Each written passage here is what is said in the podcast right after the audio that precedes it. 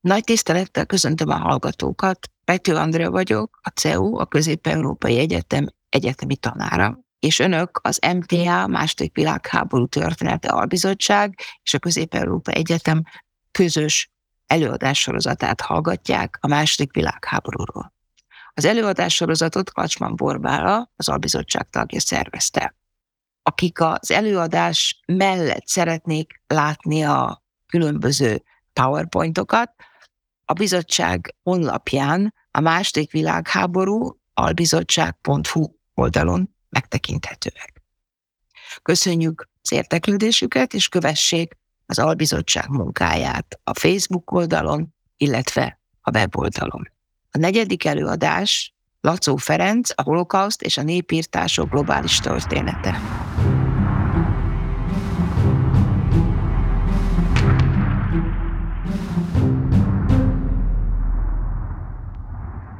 Mai előadásomat a holokauszt és a népírtások globális története címén eh, szeretném megtartani.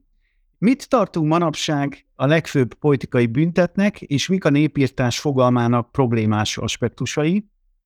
Mit jelent az, hogy a holokauszt a népírtások archetípusa, és miért is érdemes összehasonlítani egy tömeges erőszak más eseteivel?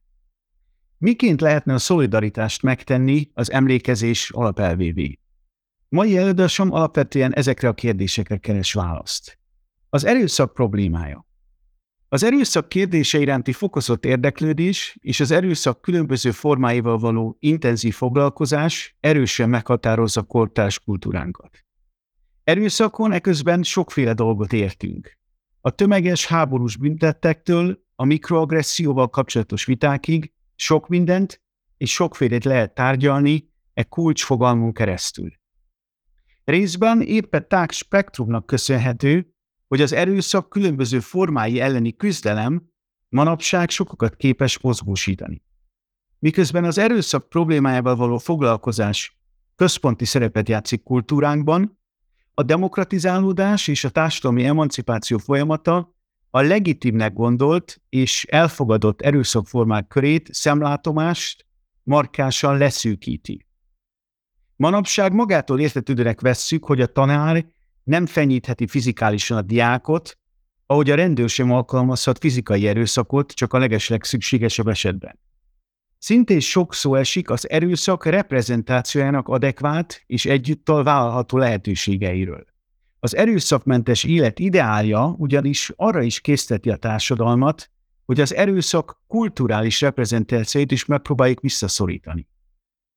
A tömeges erőszak áldozatait nem igazán illik többé megmutatni a médiákban, főleg nem mesztelenül, ahogy lehetőleg a gyerekek se játszanak háborúsdit a számítógép. Az erőszak kutatása eközben a történettudományon belül is kiemelt helyet foglal el. Egyebek mellett az a kérdés, hogy az erőszak fogalmának jelentése idővel miként változott. Gondoljunk csak bele abba az ugyancsak meghökkentő ténybe, hogy amit ma konszenzuálisan tanári erőszaknak gondolunk, és annak is nevezünk, arra korábban sokan a nevelés részeként tekintettek, vagy legalábbis így módon próbálták azt racionalizálni. A historizálás az e fajta helyenként éles változások felmérését és magyarázásuk kísérletét egyaránt jelenti. E kísérletnek pedig része kell legyen az is, hogy a fogalom hatóköre miként tágult az erőszakkal szembeni tolerancia csökkentésével.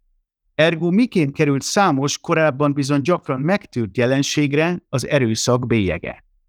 E nélkülöztetlen fogalmi reflexiókon túl a történettudomány kiemelten foglalkozik a szervezett, tömeges vagy akár extrémnek nevezhető erőszak roppan nehéz kérdéseivel is. Az ilyen tettek elkövetői lehetnek elsősorban állami, vagy éppenséggel társadalmi szereplők. Az ilyen eseteket ugyanakkor jellemzően a politikai erőszak tág kategóriájába érdemes sorolnunk, megkülönböztetve az többek között a társadalmi vagy mindennapos erőszaktól, akár csak a kulturális erőszak sokféle és gyakran vitatott státuszú formáitól. Utóbbi kapcsán, a kulturális erőszak kapcsán gondoljunk csak a megbotránkoztatás jogával kapcsolatos kortás vitákra, arra például, hogy szabad-e Mohamed profétáról karikatúrát közölni, hogy csak az egyik legexplozívabb kérdést említsem itt most. A bűnök bűne. Politikai erőszakkal kapcsolatos gondolkozásunkat ugyanakkor különböző kategóriák szervezik, melyek az erőszak eltérő formái között próbálnak különbséget tenni. Egy sor releváns fogalmat lehetne itt említeni, így például a népírtást, az emberiesség elleni büntettet, a háborús bűnöket, a tömeggyilkosságot, a nemi erőszakot, vagy az etnikai tisztogatás fogalmát. E kategóriák között állításom szerint ugyanakkor van egyfajta hierarchikus viszony, és egy kategória rendszernek mutatni a csúcsán található a népírtás fogalma, mely a legsúlyosabbnak ítélt politikai büntet mutatni a bűnök bűnének kortárs megfelelője. Figyelemre méltó tény, hogy a fogalom kialakítására csak a 20. században, konkrétan a holokauszt idején került sor, és megalkotása gyakorlatilag egyetlen személy nevéhez kötődik. Rafael Lemkin, lengyel zsidó jogász vezette be e fogalmat, a népírtás, angolul genocide-ként fordítható, és aztán néhány éven belül ez a fogalom az újonnan létrehozott ENSZ népírtás egyezményének, angol Genocide Convention-nek a tárgyává vált. A népírtás fogalmának több jelentős funkciója is van. Ugye egyrészt jogi kulcskérdés, magával a tényállással kapcsolatban vannak sokszor éveken át tartó tárgyalótermi viták, nagyon éles viták, ugyanis az, ezeknek a vitáknak nagyon sokrétű és nagyon komoly tétje van, mármint annak, hogy egy bizonyos büntettet népírtásként kategorizálunk-e, vagy sem. Eközben nyilvánvaló, hogy a fogalom erősen át van politizálva, a nyilvános viták során számosan és gyakran használják a kifejezést, nem ritkán meglehetősen elnagyolt és meglehetősen polemikus módon. Ugyanakkor a fogalom, a népírtás fogalma történet és társadalomtudományos kulcsfogalom is, mely egy széles körben intézményesített szakterületnek az egyik alapvető elemzői fogalma. De már most vitatott, és természetesen vitatható is, hogy egy jogi kulcskategóriát mennyiben ildomos közvetlenül átvennie a történet és társadalomtudománynak. A népírtás fogalma, hogy eredetileg egy jogi kategória, és magát a fogalmat legalább háromféle kritika is érte és éri, és ezeket próbálom most röviden összefoglalni. A legalapvetőbb ezek közül talán az, hogy a népírtás fogalma sajátos világképre, mondhatni sajátos ontológiára épül, E fogalom a népcsoportokat személyekhez hasonlatosnak láthatja. Mondhatni eszencializálja a létüket, és így megölésüket is lehetségesnek tartja, hogy maga a fogalom az ugye a nép meggyilkolását jelenti, és ez szerint ugye a népírtás fogalma szerint a tömeges erőszak eleve létező népcsoportokat sújt. Tehát azt állítja, hogy, hogy az elkövetők egy népet akarnak megsemmisíteni, és a bűnöke bűnének az a motivációs alapja jellemzően a gyűlölet. Tehát azért akarják őket megölni, mert gyűlölik őket. Tehát mutatni a, a népírtás alapvetően egy gyűlölettel kapcsolatos bűnbe. Ezáltal a fogalom azt sugalja, mintha nem az elkövetők jelölték volna ki általuk önkényesen felállított kritériumok szerint áldozataikat, akikkel szemben aztán áldozatot alkalmaztak. Ez mit is jelent a témák szempontjából, hogy konkrétan próbálom illusztrálni, tehát a népírtás fogalma szerint a német nácik és tettestársaik nem az általuk zsidónak minősített ártatlan áldozataikat üldözték a második világháború során, hanem az eleve és objektíve létező zsidó népet próbálták megsemmisíteni. Na most ugye a két koncepció között természetesen a gyakorlatban jelentős az átfedés, nem utolsó sorban épp azért, mert a zsidónak minősített és így módon megbélyegzett emberek jelentős hányada magát is zsidónak tartotta, bár ennek természetesen teljesen más jelentést tulajdonított, mint a náci üldözői. Ugyanakkor én azt állítom, hogy a két meghatározás között nagyon is fontos a különbség, ugyanis az előbbi meghatározás jóval pontosabban írja le, hogy miként is került sor a tömeges zsidó ellenes erőszakra. Mégpedig a nácik által önkényesen kijelölt kritériumok alapján. Ugye a nácik döntötték el, hogy kik számítottak zsidónak, és mi alapján, nem pedig hogy a zsidóságon belülről volt ez a meghatározás eldöntve, hogy így mondja. Tehát úgy lehetne ezt az első problémát talán legjobban összefoglalni, hogy a népírtás fogalma eszencializálja az áldozati csoportot, amikor valójában sokkal inkább az áldozati csoport elkövetők általi önkényes megpusztulása és üldöztetése zajlik. Na most a másik alapvető kritika a fogalommal szemben nem más, mint hogy a bűnök bűneként tételezi önmagát, és így módon elég erősen hierarchizál. És ugyanakkor a népírtás fogalmának alapja az elkövetői szándék. Tehát jogilag, mondtad, római jogból eredeztethető fogalommal élve, a bűnös elme bizonyítását követeli, e fogalom, az intenciót kell bizonyítani, és így módon a tényállás valójában jogilag roppan nehezen bizonyítható. Viszont szimbolikus hierarchia alakul ki a fogalom használata miatt, melynek a legfelsőbb kategóriába gyakorlatilag csak néhány kivételes eset kerül bele, ennek pedig én úgy gondolom, hogy kifejezetten szerencsétlen következményei is vannak. Miért gondolom ezt így? Azért, mert ha a fogalmat alkalmazni próbálják, akár áldozatok, és ez sikertelennek bizonyul, akkor úgymond az ő szenvedésüket a fogalom bizonyos esetben lefokozza, azt sugalja, hogy csak másodrang az ő szenvedésük, mivel nem sorolható be ebbe a csúcson lévő kategóriába. Na most példaként mi hozható itt? Vehetjük mondjuk azt például, hogy Vietnámban több millió áldozata volt az amerikai háborús bombázásnak, ugye, ami sok éven át tartott, vagy Mao idején Kínában tömeges éhénységre került sor. Ezek a büntettek viszont az érvényes definíció szerint nem számítanak népírtásnak, ami azért nagyon érdekes, illetve hát meg is megdöbbentő sok szempontból, mert a Mao idején bekövetkező éhínség során volt a legtöbb halálos áldozat egyetlen országon belül a 20. században. Ugye ez egy olyan kataklizma volt, ami politikai döntéshozatal eredményeként következett be, és itt volt a leg, legnagyobb áldozati szám, mégsem lehet ezt az esetet népírtásként kategorizálni, ami önmagában is jelzi, én úgy gondolom, hogy meglehetősen sajátos hierarchizálással van dolgunk. És az imént tárgyalt eszencializálással, illetve ontológiával kapcsolatos a népírtás fogalmával szemben felvethető harmadik súlyos kifogás is, mégpedig az, hogy e fogalma népírtás áldozatául eső csoportokat úgy határozza meg, hogy eleve kizárja a politikai ellenfélek üldözésekor alkalmazott erőszakot.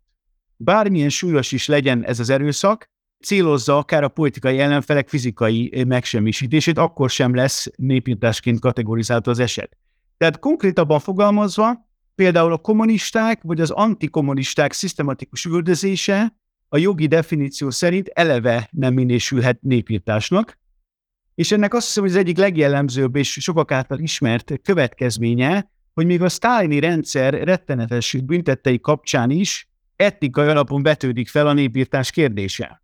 Még a legközismertebb példával élve, hogy az első Szovjetunióbeli öt éves terv megvalósításakor bekövetkező tömeges és a Szovjetunió több területére kiterjedő éhínség esetén ukránok elleni népírtásként egy etnikai intenció népírtást kell felvetni, ahhoz, hogy ennek a büntetnek egyáltalán a népírtásként való elfogadtatása felmerülhessen. Tehát, hogyha nem mondjuk azt, hogy itt ugye egy, egy etnikai csoport ellen irányult az éhínség, akkor maga a népírtás fogalma nem igazán alkalmazható nagyon érdekes összefüggés van.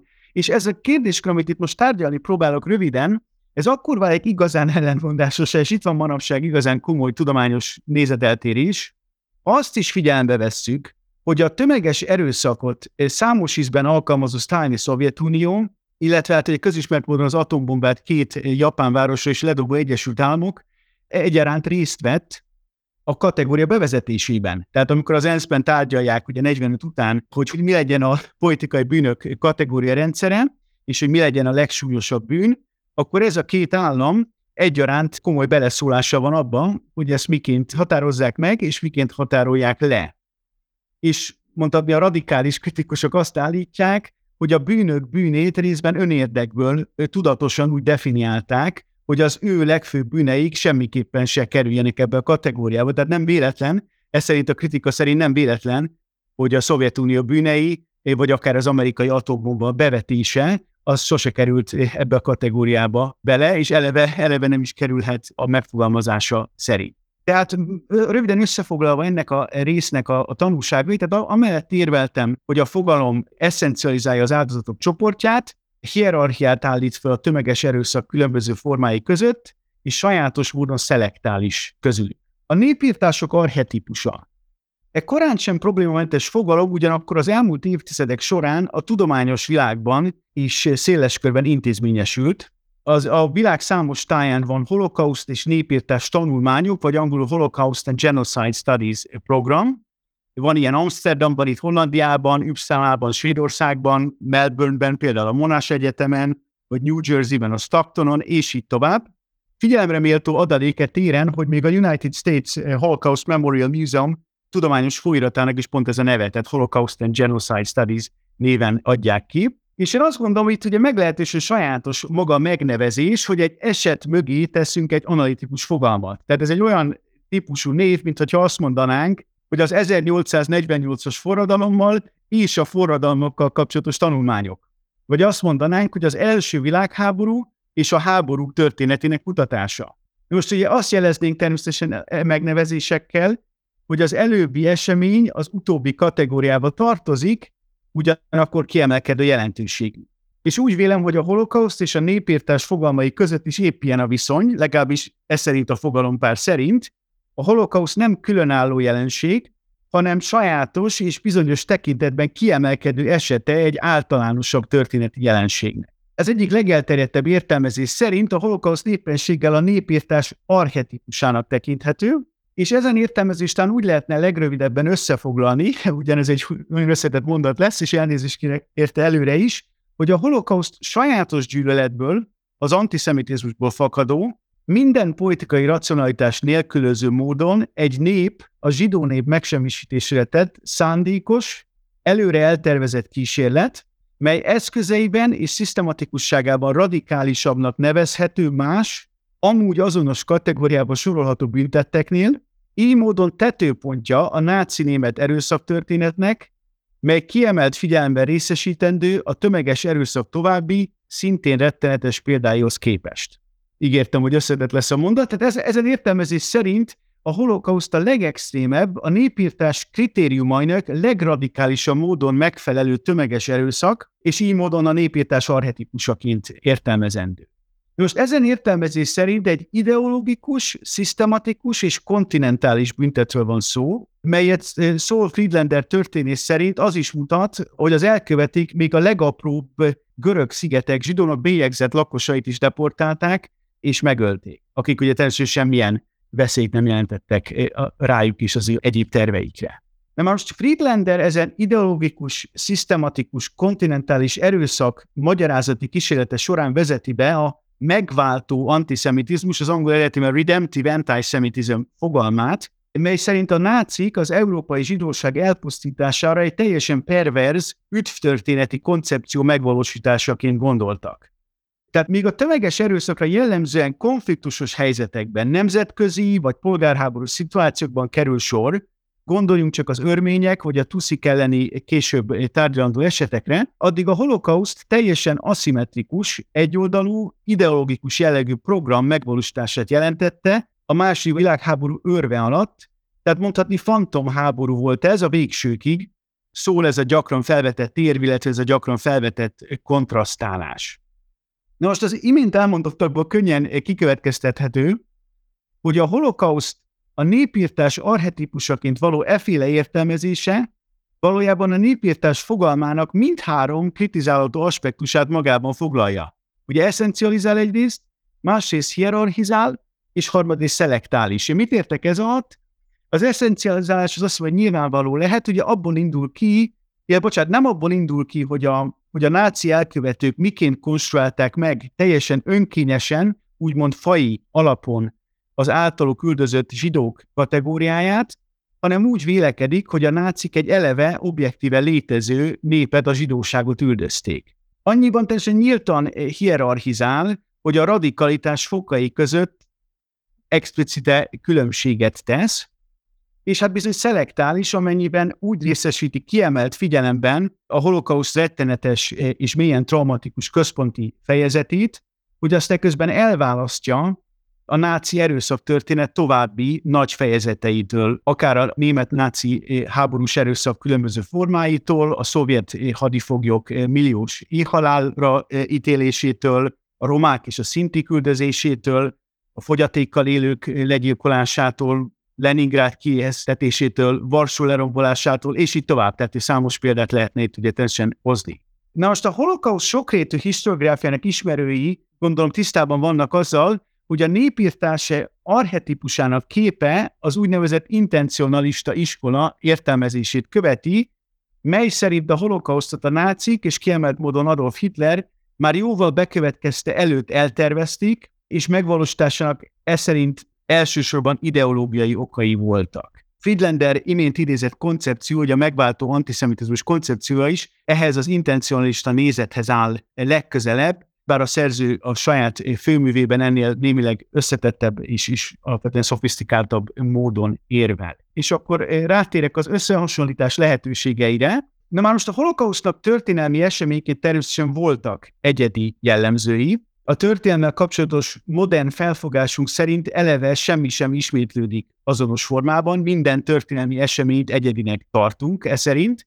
Tehát ez egy kifejezetten alacsony mércének számít, az egyediség fogalmát így értelmezünk, nem pedig egyfajta abszolút egyediségként.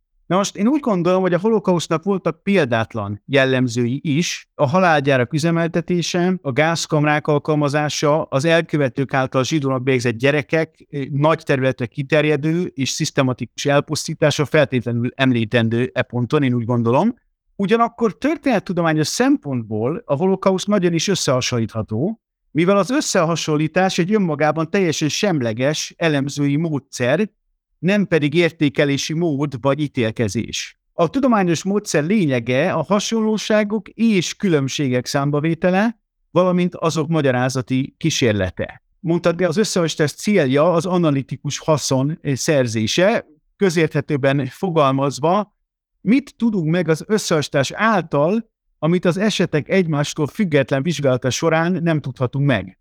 Vagy még konkrétabban, Mit érthetünk meg a holokauszt történetéből jobban azáltal, hogyha összevetjük más, hasonlóan rettenetes büntettekkel? Ugye ez az összehasonlítás analitikus lényege mondhatni. És értelemszerű e szempontból, hogy a holokauszt példátlan jellemzőinek felmérése is csak ilyenfajta analitikus célú összehasonlítások által lehetséges, és nem következhet az eset önmagában való vizsgálatából. De ezáltal természetesen azt is állítom, hogy az egyediség tézisének abszolutizálása, tehát azt, azt állítani, hogy a holokauszt összehasonlíthatatlan, a szigorú értelemben nem tudományos tézis. Ennek a tézisnek van természetesen politikai, vagy lehet akár teológiai jelentése is, de én úgy gondolom, hogy csak is politikai vagy teológiai érvként alkalmazható, és így módon alkalmazzák is rendszeresen, de nem, nem szigorú értelemben nem tudományos érvről van itt szó. És e ponton talán érdemes idéznem Dan Stone kiváló brit történész által nagyon bölcsnek tartott szavait, aki azt mondta egy velem készített, bocsánat, nekem adott interjú során, hogy a ruandai vagy az örmény népírtással való összehasonlítás csak abban az esetben minősülhet a holokauszt lekicsinlésének, ha valaki e rettenetes eseményeket próbálja lekicsinyelni. Tehát igaz ugyanakkor, hogy a tömeges erőszak különböző esetei során meggyilkolt áldozatok és a túlélő egykori üldözöttek személyes tapasztalataihoz nem férhetünk hozzá közvetlenül, így természetesen nem is lehetünk képesek érdemben összehasonlítani őket egymással. Szerencsénkre nem tudhatjuk testünkben, nem tudhatjuk lelkünkben, hogy milyen volt megöletni, milyen volt megkínosztatni, lemészároltatni, vagy a sivatagban éhen halni. Ugyanakkor e fajta zavarba ejtő, akár morbidnak is nevezhető összehasonlítási kísérletekre eleve nincs is szükségünk. A népírtás kutatás agendáiról szeretnék pár szót szólni még. A népírtás kutatás tágabb szakterületének ekközben én úgy gondolom, hogy óriási szüksége van a holokauszt kutatása során felhalmozott tudásra. Azt lehet ugyanis mondani, hogy a holokauszt a legrészletesebben dokumentált, egyúttal a legtöbbet kutatott népírtás is. A holokausztot illetően most olyan részletes és olyan mély szaktudás halmozódott föl, melyre más népírtások kutatásakor ezért nagyon is érdemes hivatkozni, illetve a holokausztal kapcsolatos sokrétű tudományos kérdésfeltevések további kutatásokat is inspirálhatnak, melyek más esetekre vonatkoznak. De mely esetekről is van itt szó? Egy némileg leegyszerűsítve a, a helyzetet, érdemes talán különbséget tennünk a viszonylag szűk és a jóval tágabb esetkatalógus között. A viszonylag szűk fókusszal művelt népírtás kutatás olyan esetekkel foglalkozik, mint az oszmán birodalom által az első világháború során az örmények ellen elkövetett népírtás, a rövid életű kambodzsai extrémista Polpot rezsim 70-es évekbeli népírtó forradalma, illetve a hut hutok és tuszik közötti véres polgárháború örve alatt az előbbiek által az utóbbiakkal szemben 1994 tavaszán és nyarán elkövetett sebes, és módfelett brutális népírtás, melynek sebessége és elképesztő brutalitása leginkább épp a holokauszt 44 tavaszán és nyarán, tehát pont 50 évvel korábban elkövetett magyar nagyfejezetéhez hasonlítható, ezt ugye több, többen is megfogalmazták már korábban.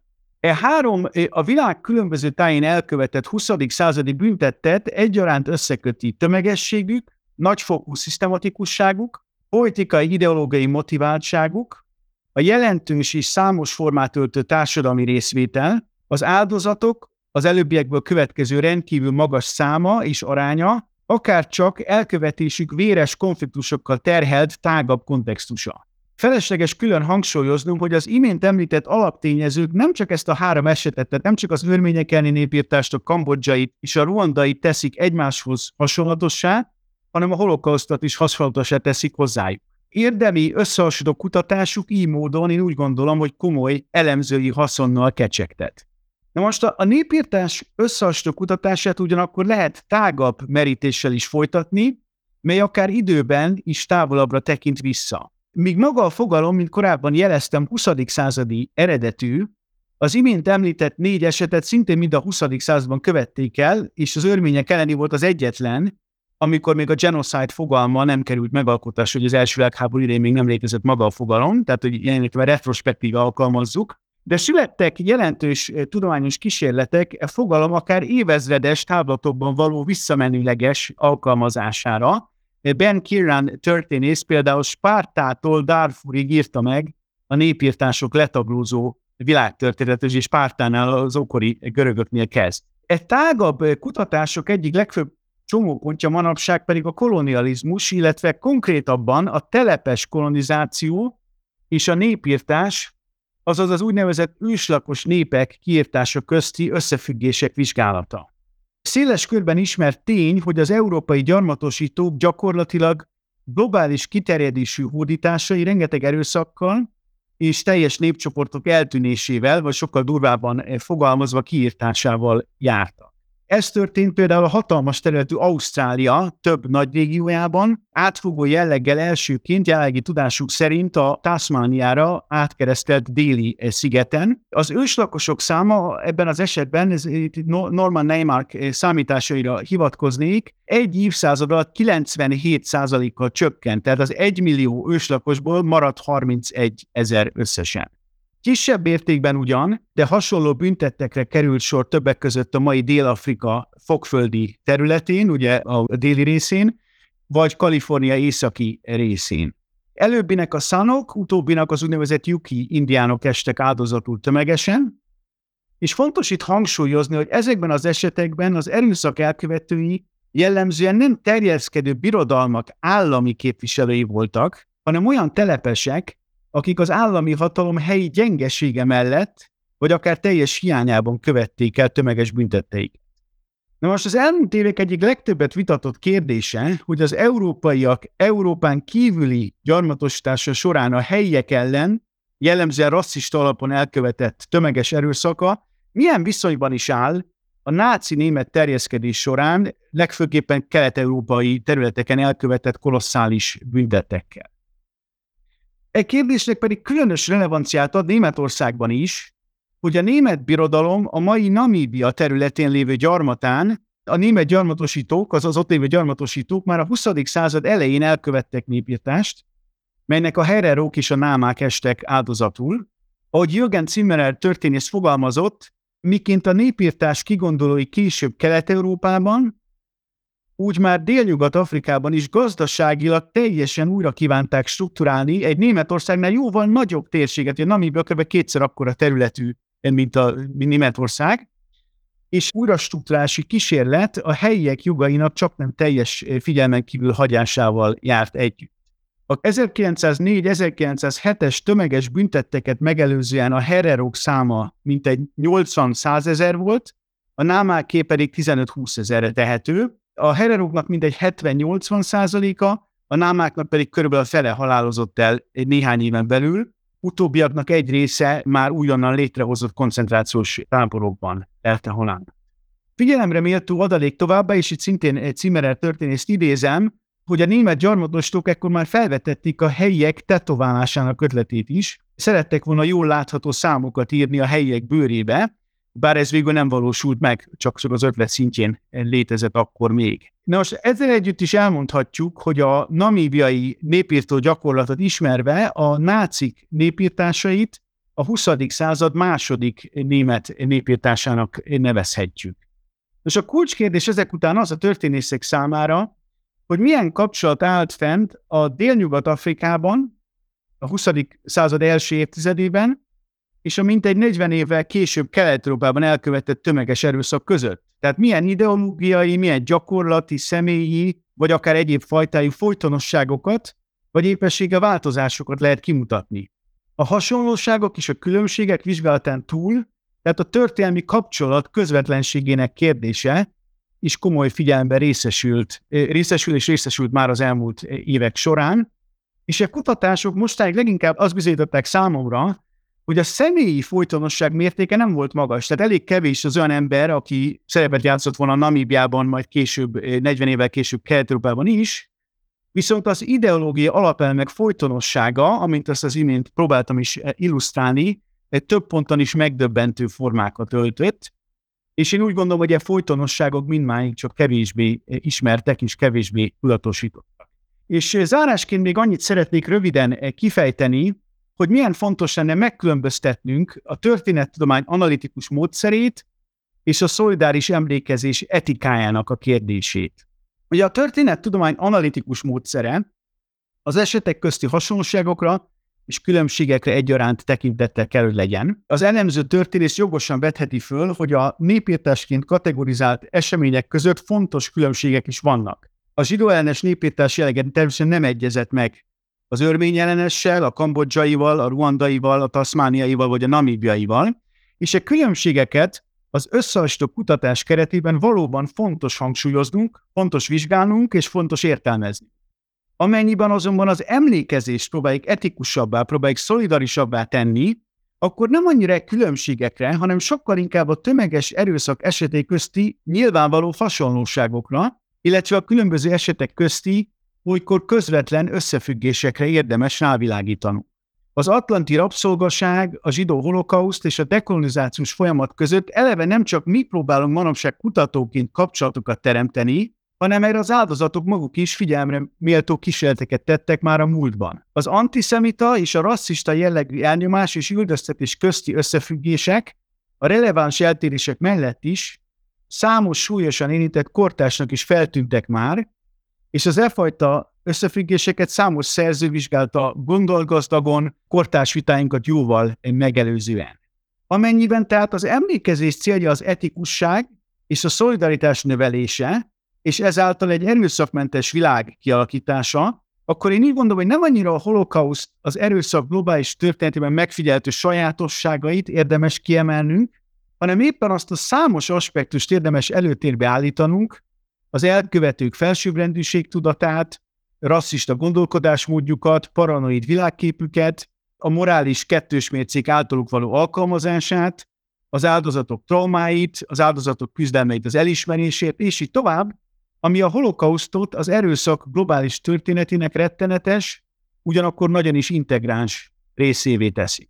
Összegzés, összesen hat fő tézis mellett próbáltam érvelni az elmúlt nagyjából fél órában, Elsőként azt fogalmaztam meg, hogy az erőszak kultúránk egyik kulcskérdése, melynek tanulmányozása komoly tudományos kihívásokat is rejt. Azt állítottam másodjára, hogy a tömeges erőszak tanulmányozásakor a népírtás távolról sem problémátlan fogalma került a hierarchia csúcsára, vált a bűnök bűnének kortás szinonimájává, Amellett is hoztam érveket, hogy a holokauszt közismert, ugyanakkor vitatható értelmezése a holokausztot a népírtások archetípusaként ábrázolja. Negyedikként amellett foglaltam állást, hogy a holokausztot lehet és érdemes is összehasonlítani a tömeges erőszak további eseteivel.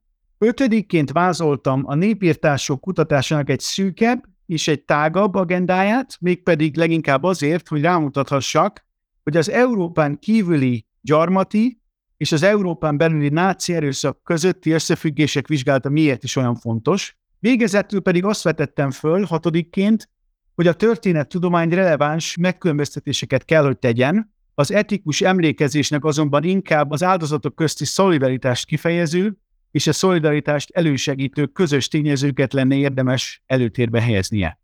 Köszönöm a figyelmüket!